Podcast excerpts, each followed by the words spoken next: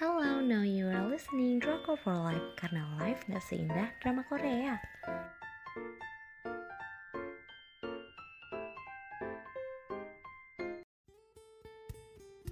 Aku bakal bacain review drama Korea Boys Before Flower.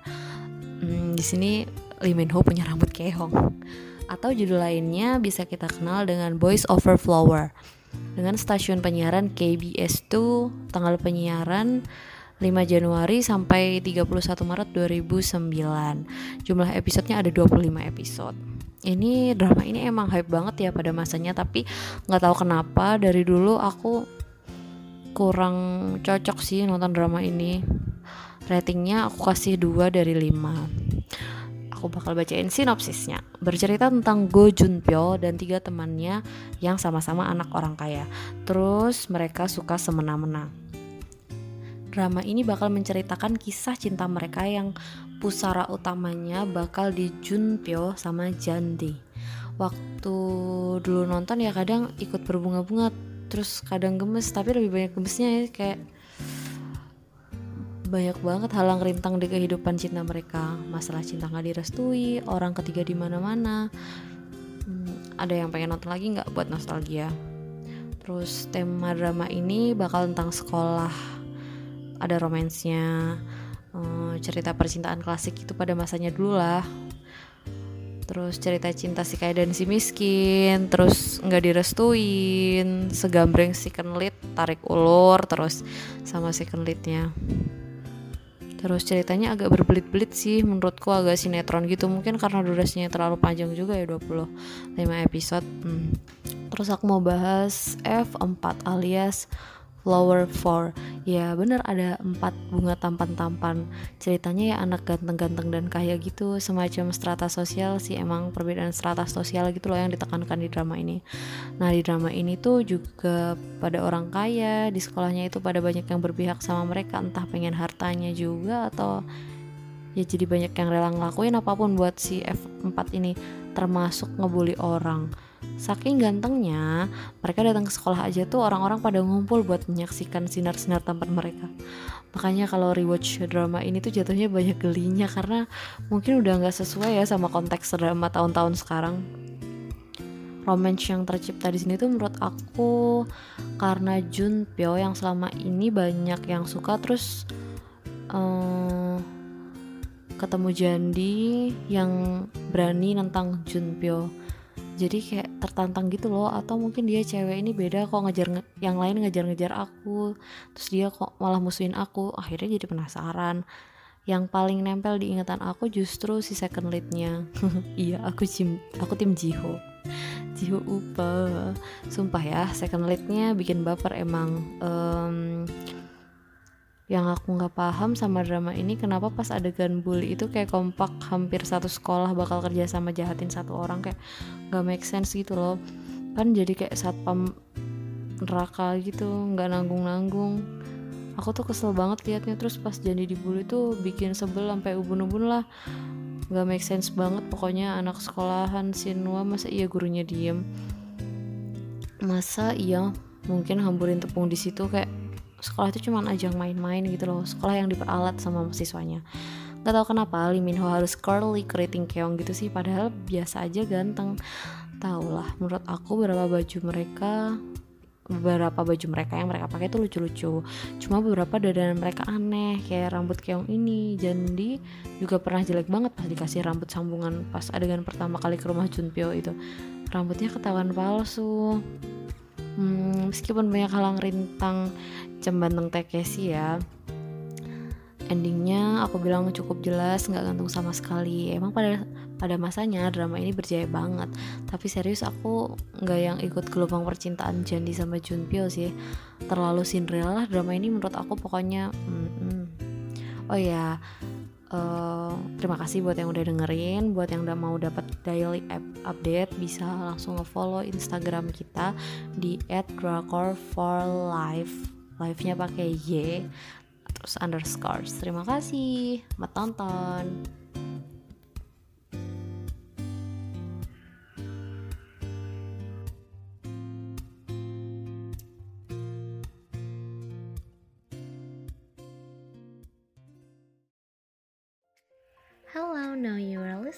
Drama for Life karena life gak seindah drama Korea.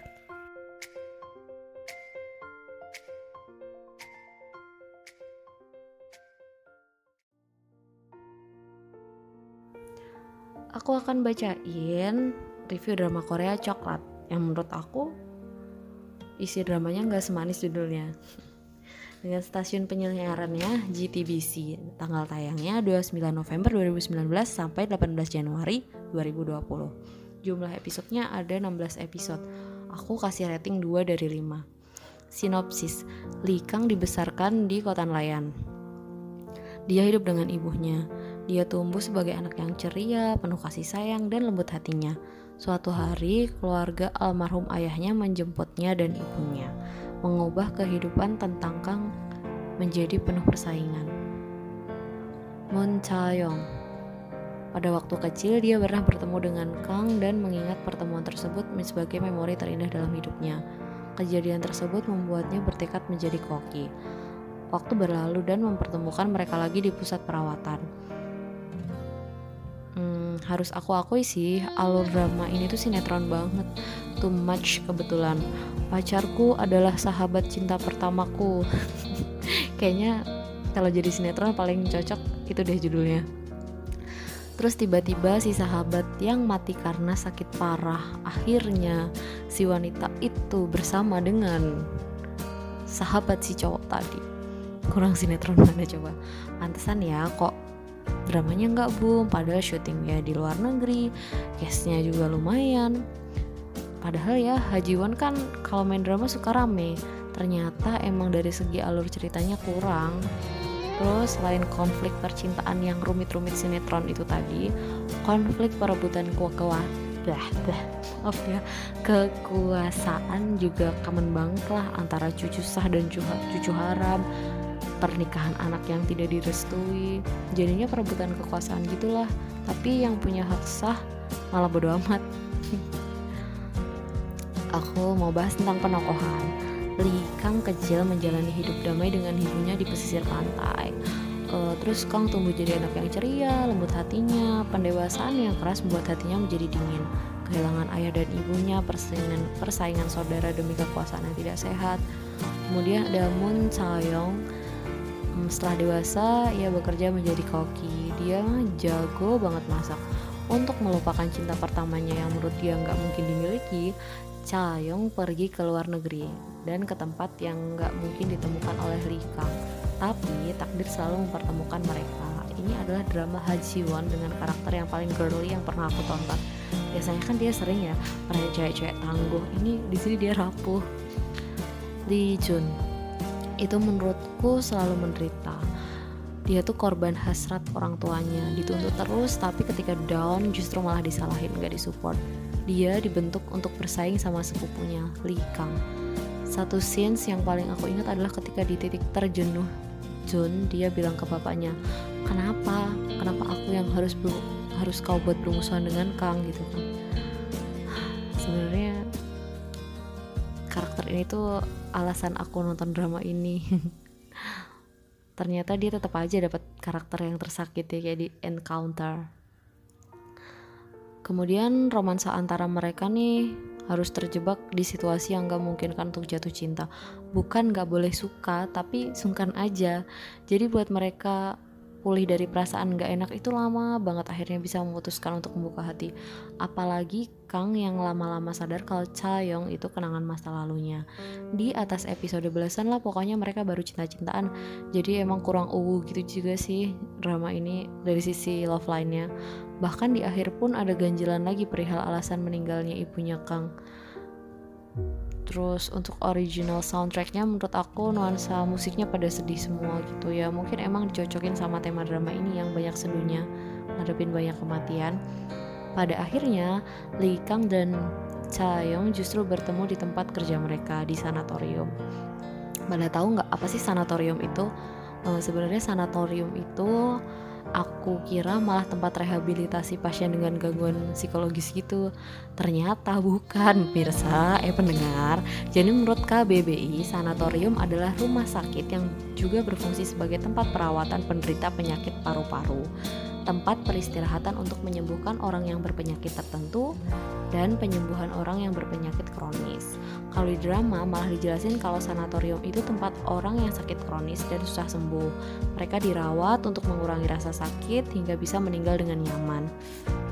Dalam ya ternyata kan mungkin ada juga ya orang orang-orang dengan sakit parah gitu yang nggak mungkin sembuh tapi ya udahlah ayo kita menjalani hari dengan lebih indah gitu dengan lebih nyaman terus cerita per episodenya itu tentang mengantarkan kematian orang-orang dengan penuh kenangan. Harusnya sedih sih tapi entah kenapa aku nggak nangis. Mungkin kurang sedih ya. Kurang nyesek atau ya. Hmm, atau aku habis nonton drama yang lebih nyesek daripada ini. Jadi mungkin tips buat yang mau nonton ini ya nonton drama yang ceria-ceria dulu deh sebelumnya baru nonton drama ini.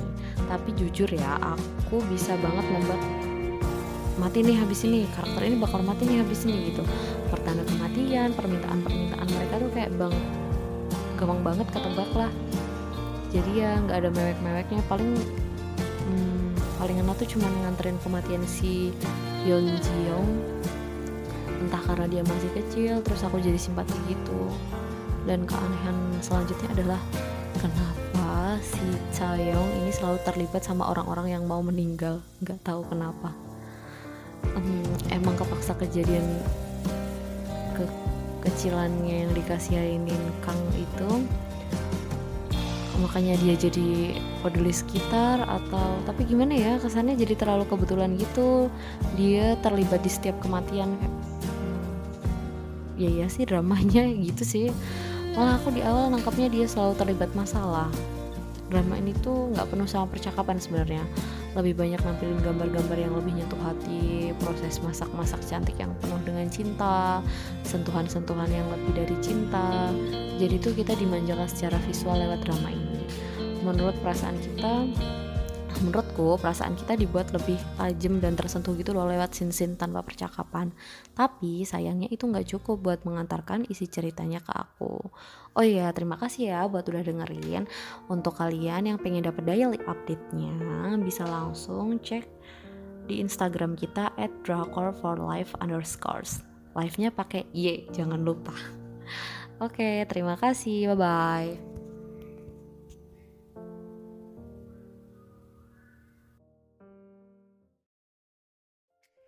Hello, now you are listening Drama for Life karena life gak seindah drama Korea.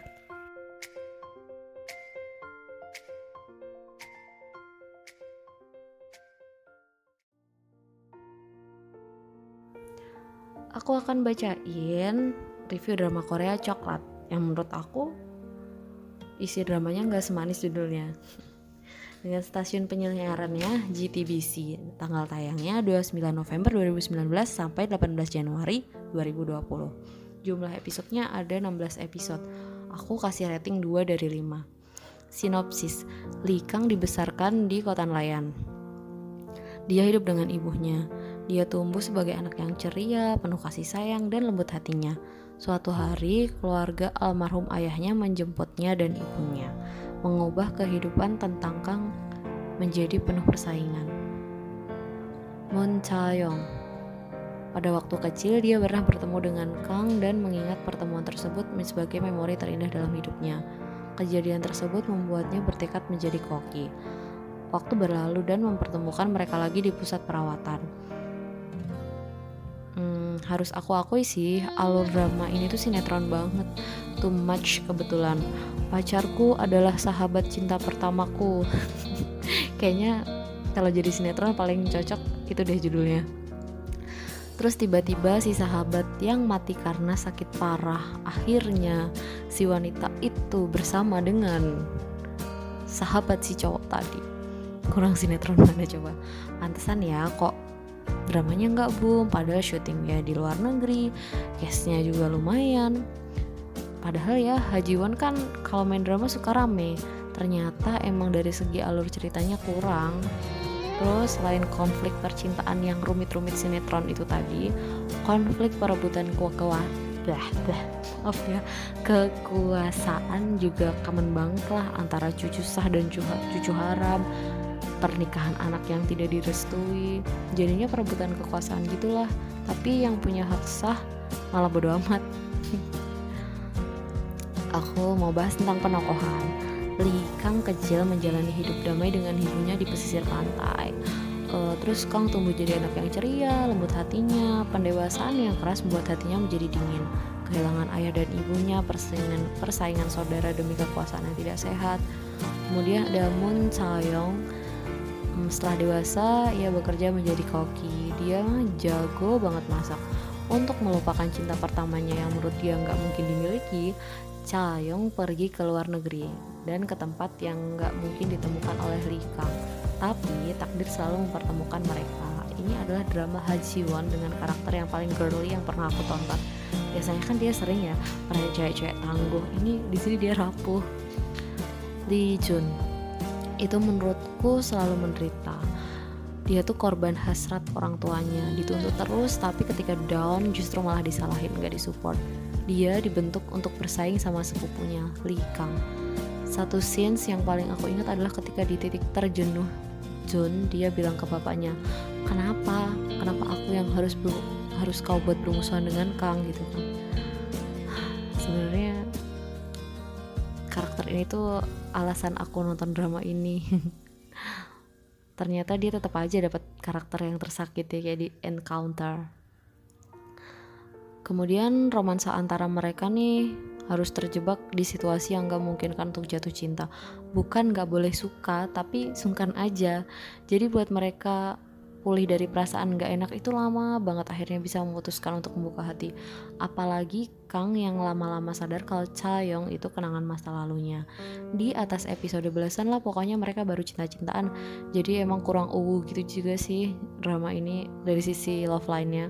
Bahkan di akhir pun ada ganjilan lagi perihal alasan meninggalnya ibunya Kang terus untuk original soundtracknya menurut aku nuansa musiknya pada sedih semua gitu ya. Mungkin emang dicocokin sama tema drama ini yang banyak sedihnya ngadepin banyak kematian. Pada akhirnya Lee Kang dan Cha Yong justru bertemu di tempat kerja mereka di sanatorium. Pada tahu nggak apa sih sanatorium itu? Uh, sebenarnya sanatorium itu aku kira malah tempat rehabilitasi pasien dengan gangguan psikologis gitu. Ternyata bukan Pirsa. Eh pendengar jadi menurut KBBI sanatorium adalah rumah sakit yang juga berfungsi sebagai tempat perawatan penderita penyakit paru-paru tempat peristirahatan untuk menyembuhkan orang yang berpenyakit tertentu dan penyembuhan orang yang berpenyakit kronis. Kalau di drama malah dijelasin kalau sanatorium itu tempat orang yang sakit kronis dan susah sembuh. Mereka dirawat untuk mengurangi rasa sakit hingga bisa meninggal dengan nyaman. Dalam ya ternyata kan mungkin ada juga ya orang orang-orang dengan sakit parah gitu yang nggak mungkin sembuh tapi ya udahlah ayo kita menjalani hari dengan lebih indah gitu dengan lebih nyaman terus cerita per episodenya itu tentang mengantarkan kematian orang-orang dengan penuh kenangan. Harusnya sedih sih tapi entah kenapa aku nggak nangis. Mungkin kurang sedih ya. Kurang nyesek atau ya. Hmm, atau aku habis nonton drama yang lebih nyesek daripada ini. Jadi mungkin tips buat yang mau nonton ini ya nonton drama yang ceria-ceria dulu deh sebelumnya baru nonton drama ini. Tapi jujur ya aku bisa banget membuat mati nih habis ini karakter ini bakal mati nih habis ini gitu pertanda kematian permintaan permintaan mereka tuh kayak bang gampang banget ketebak lah. Jadi ya nggak ada mewek-meweknya. Paling hmm, paling enak tuh cuma nganterin kematian si Yeon Ji Young entah karena dia masih kecil terus aku jadi simpati gitu. Dan keanehan selanjutnya adalah kenapa si Chayong ini selalu terlibat sama orang-orang yang mau meninggal? Nggak tahu kenapa. Um, emang kepaksa kejadian ke kecilannya yang dikasihin Kang itu makanya dia jadi peduli sekitar atau tapi gimana ya kesannya jadi terlalu kebetulan gitu. Dia terlibat di setiap kematian. Hmm, ya ya sih dramanya gitu sih. Malah aku di awal nangkapnya dia selalu terlibat masalah. Drama ini tuh nggak penuh sama percakapan sebenarnya. Lebih banyak nampilin gambar-gambar yang lebih nyentuh hati proses masak-masak cantik yang penuh cinta sentuhan-sentuhan yang lebih dari cinta. Jadi tuh kita dimanjakan secara visual lewat drama ini. Menurut perasaan kita menurutku perasaan kita dibuat lebih tajam dan tersentuh gitu loh lewat sin-sin tanpa percakapan. Tapi sayangnya itu nggak cukup buat mengantarkan isi ceritanya ke aku. Oh iya terima kasih ya buat udah dengerin. Untuk kalian yang pengen dapat daily update-nya bisa langsung cek di Instagram kita at drakor for life underscores. Live-nya pakai Y jangan lupa. Oke terima kasih. Bye bye